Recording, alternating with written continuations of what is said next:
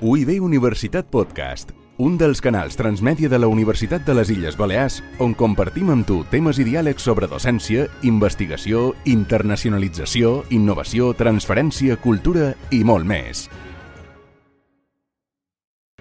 Uh, bon dia a tothom. En primer lloc, m'agradaria agrair a SOSD i en el, en el director i en els dos tècnics que m'hagin convidat per fer la presentació d'aquest projecte o d'aquesta experiència d'innovació docent.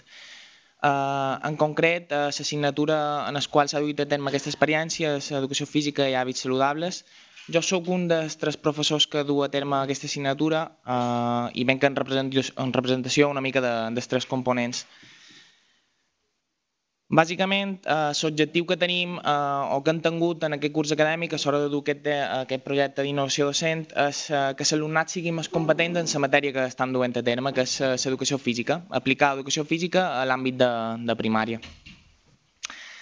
A gran trets, eh, la nostra assignatura se divideix en dues parts eh, ben diferenciades, que són les classes teòriques i les classes pràctiques. Eh, a continuació, de forma molt breu, eh, se presenten aquell, aquelles característiques més eh, principals de, de lo que s'ha fet a cada una d'aquestes dues parts. Eh, les classes teòriques, eh, bàsicament, el paper que hem tingut nosaltres ha estat d'acompanyament, més que de transmissió de, de coneixements. Hi ha hagut un, un gran treball cooperatiu per, eh, per part dels alumnes, en ocasions s'han utilitzat noves tecnologies, Sobretot s'ha emprat el joc dins aula, després eh, comentaré tres casos en concret de, de com ho han fet, i com a màxim han limitat les exposicions magistrals a 15 minuts a les classes teòriques. Uh, s'han fomentat també les competicions entre grups i en ocasions s'ha utilitzat el recurs de Flipped Classroom o uh, classe invertida. Això per lo que fa la classe teòrica. A les classes pràctiques, la major característica que té la nostra assignatura és que uh, feien simulacions docents. Això que significa que eh, els alumnes fan de professors eh, entre ells, és a dir, en grup de dues o tres persones han de dirigir la classe eh, en concret. Per tant, el rol del professor aquí únicament és de mediador dels continguts que, que se transmeten. Uh, és un aprenentatge actiu, ja que els alumnes propi és que dirigeix la classe i sobretot el que intentàvem nosaltres era fomentar molt la comunicació i el feedback entre, entre els alumnes. Un punt positiu d'aquesta forma d'encarar de, de, la classe pràctica és que els alumnes eh, estan fent les pràctiques en el lloc de feina eh, futur quan acabin la carrera. Com han fet tot això? Pues gamificant cada un dels elements d'aquesta de, assignatura, gamificant les classes teòriques, gamificant les classes pràctiques i gamificant l'avaluació d'aquesta matèria. Uh, a continuació el que, el que hem fet és mostrar-vos un exemple de gamificació de cada una d'aquestes tres parts que, que hem duit a terme. Per exemple, uh, la classe teòrica, uh, una de les classes teòriques, el que van simular és un concurs de Grand Prix, on hi havia dos grups, dos grans grups, que havien de competir entre ells per intentar ser més competents que, que, que, que l'altre gran grup.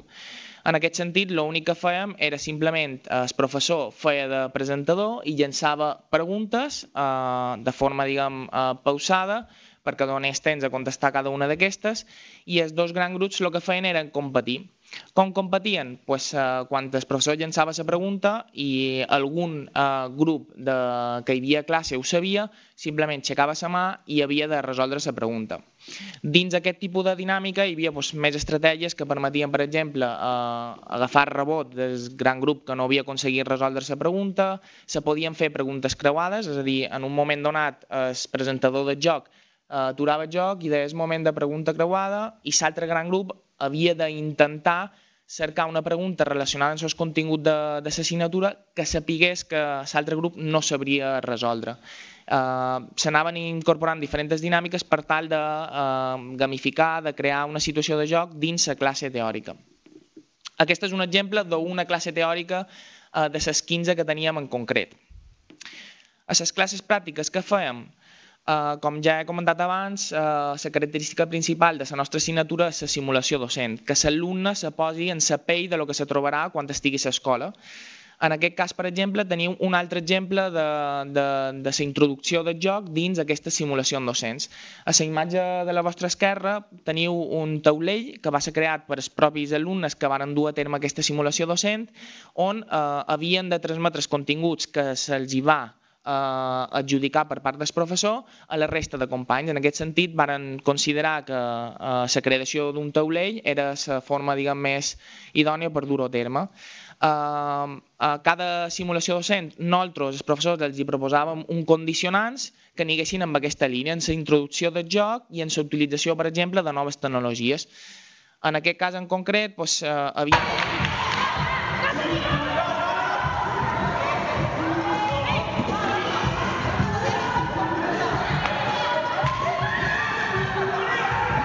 en aquest cas en concret, els dos reptes eren eh, gamificar els continguts que, que nosaltres els hi havíem dit que havien de transmitir la resta de companys i monitoritzar la freqüència cardíaca amb l'ús d'aquest sistema que, que duim a terme.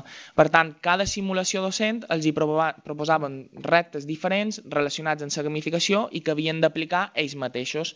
El professor s'apartava, feia un rol de mediador i eh, controlava que el contingut se transmetés de forma diguem, correcta amb allò que havien pautat a la guia docent.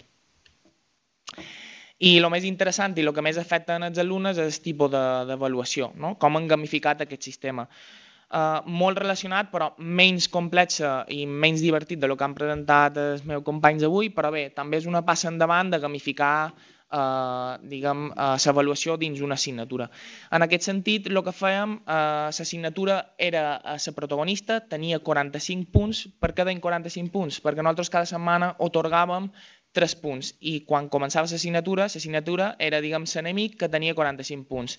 A mesura que avançava l'assignatura havien d'intentar almenys robar la meitat d'aquests 45 punts per superar l'assignatura. En aquest sentit, el que fèiem és que cada setmana hi havia un problema pràctic eh, de forma individual o en equip, eh, la reflexió d'un article, un problema d'investigació, una ampliació de continguts.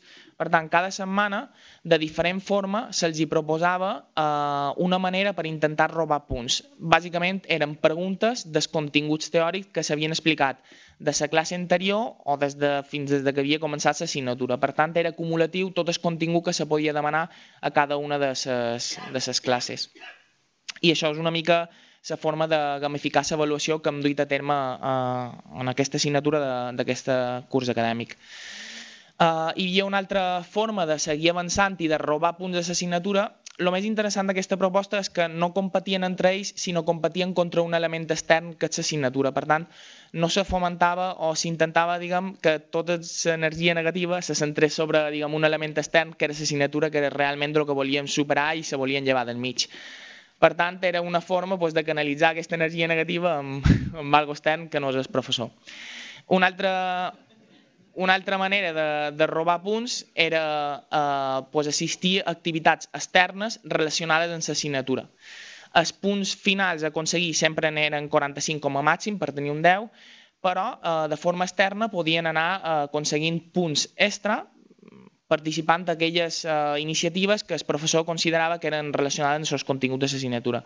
I en concret en aquest any acadèmic pues, han robat punts participant en aquestes tres iniciatives que han plantejat, òbviament íntimament relacionades amb el contingut de la nostra matèria. No sé si sabeu, fa dos dies que ja estan disponibles els qüestionaris d'avaluació, vos presento aquí una mica de resultats, eh, és un, és un copy-paste, Uh, la dada que més m'interessa uh, i que podeu veure és uh, de 69 matriculats, 45 eren a classe el darrer dia de classe. Val? Com sabeu, i supos que heu experimentat, a mesura que evoluciona l'assignatura se va perdent diguem, el compliment i l'adherència per part de l'alumnat. Uh, per tant, l'única dada aquí que els tres professors creiem que és bastant positiva és que hi havia una adherència bastant bona. D'acord? Sí que he de mencionar que l'assistència a les classes pràctiques era obligatòria, però les classes teòriques no, i aquesta enquesta se va fer a la classe teòrica. Uh, la mitjana global no és excel·lent, no és com esperàvem, però bé, està per damunt de la mitja, de, de, per exemple, de, del departament i de, i de la mitjana de SUIP, que no és un indicador per se, perquè nosaltres el que volem és uh, que hi hagi assistència i que se, se pugui fer feina diguem, de, forma, de forma correcta i això és una avaluació objectiva. Eh, després tenim una avaluació també objectiva, però que vàrem realitzar nosaltres simplement pues, amb quatre preguntes que trobam que són eh, importants per controlar que aquesta forma de gamificar pues, eh, s'ha implementat de forma correcta. Eh, preguntes tan senzilles com si heu trobat útil aquesta assignatura per seu futur professional, és a dir, si ha aportat alguna per la tasca de mestre, que és el que faran d'aquí dos o tres anys, si el grau de satisfacció en l'assignatura eh, en el desenvolupament de com s'ha desenvolupat és correcte, si l'assignatura ha aconseguit despertar interès, no? aquest guau que deien Amanda de, uh, per, per, per la matèria en concret, i si hi ha hagut diversió. Evidentment, si hi ha diversió, doncs, eh, l'aprenentatge és, és, és, és millor. En aquest sentit, doncs, a l'eix de les IS tenim el número de respostes i a les ITS tenim la valoració, que anava de su en el 10. Varen respondre 30 persones, val? això va ser posterior de, de que finalitzés l'assignatura, i bueno, bàsicament veiem que les respostes se concentren doncs, entre 7 i 10, no? de cada una de les quatre preguntes. Sempre hi ha eh, opinions negatives, però eh, considerant que és algo que entra dins, dins la, la normalitat. I, I fins aquí la meva experiència docent. UIB Universitat Podcast, un dels canals transmèdia de la Universitat de les Illes Balears on compartim amb tu temes i diàlegs sobre docència, investigació, internacionalització, innovació, transferència, cultura i molt més.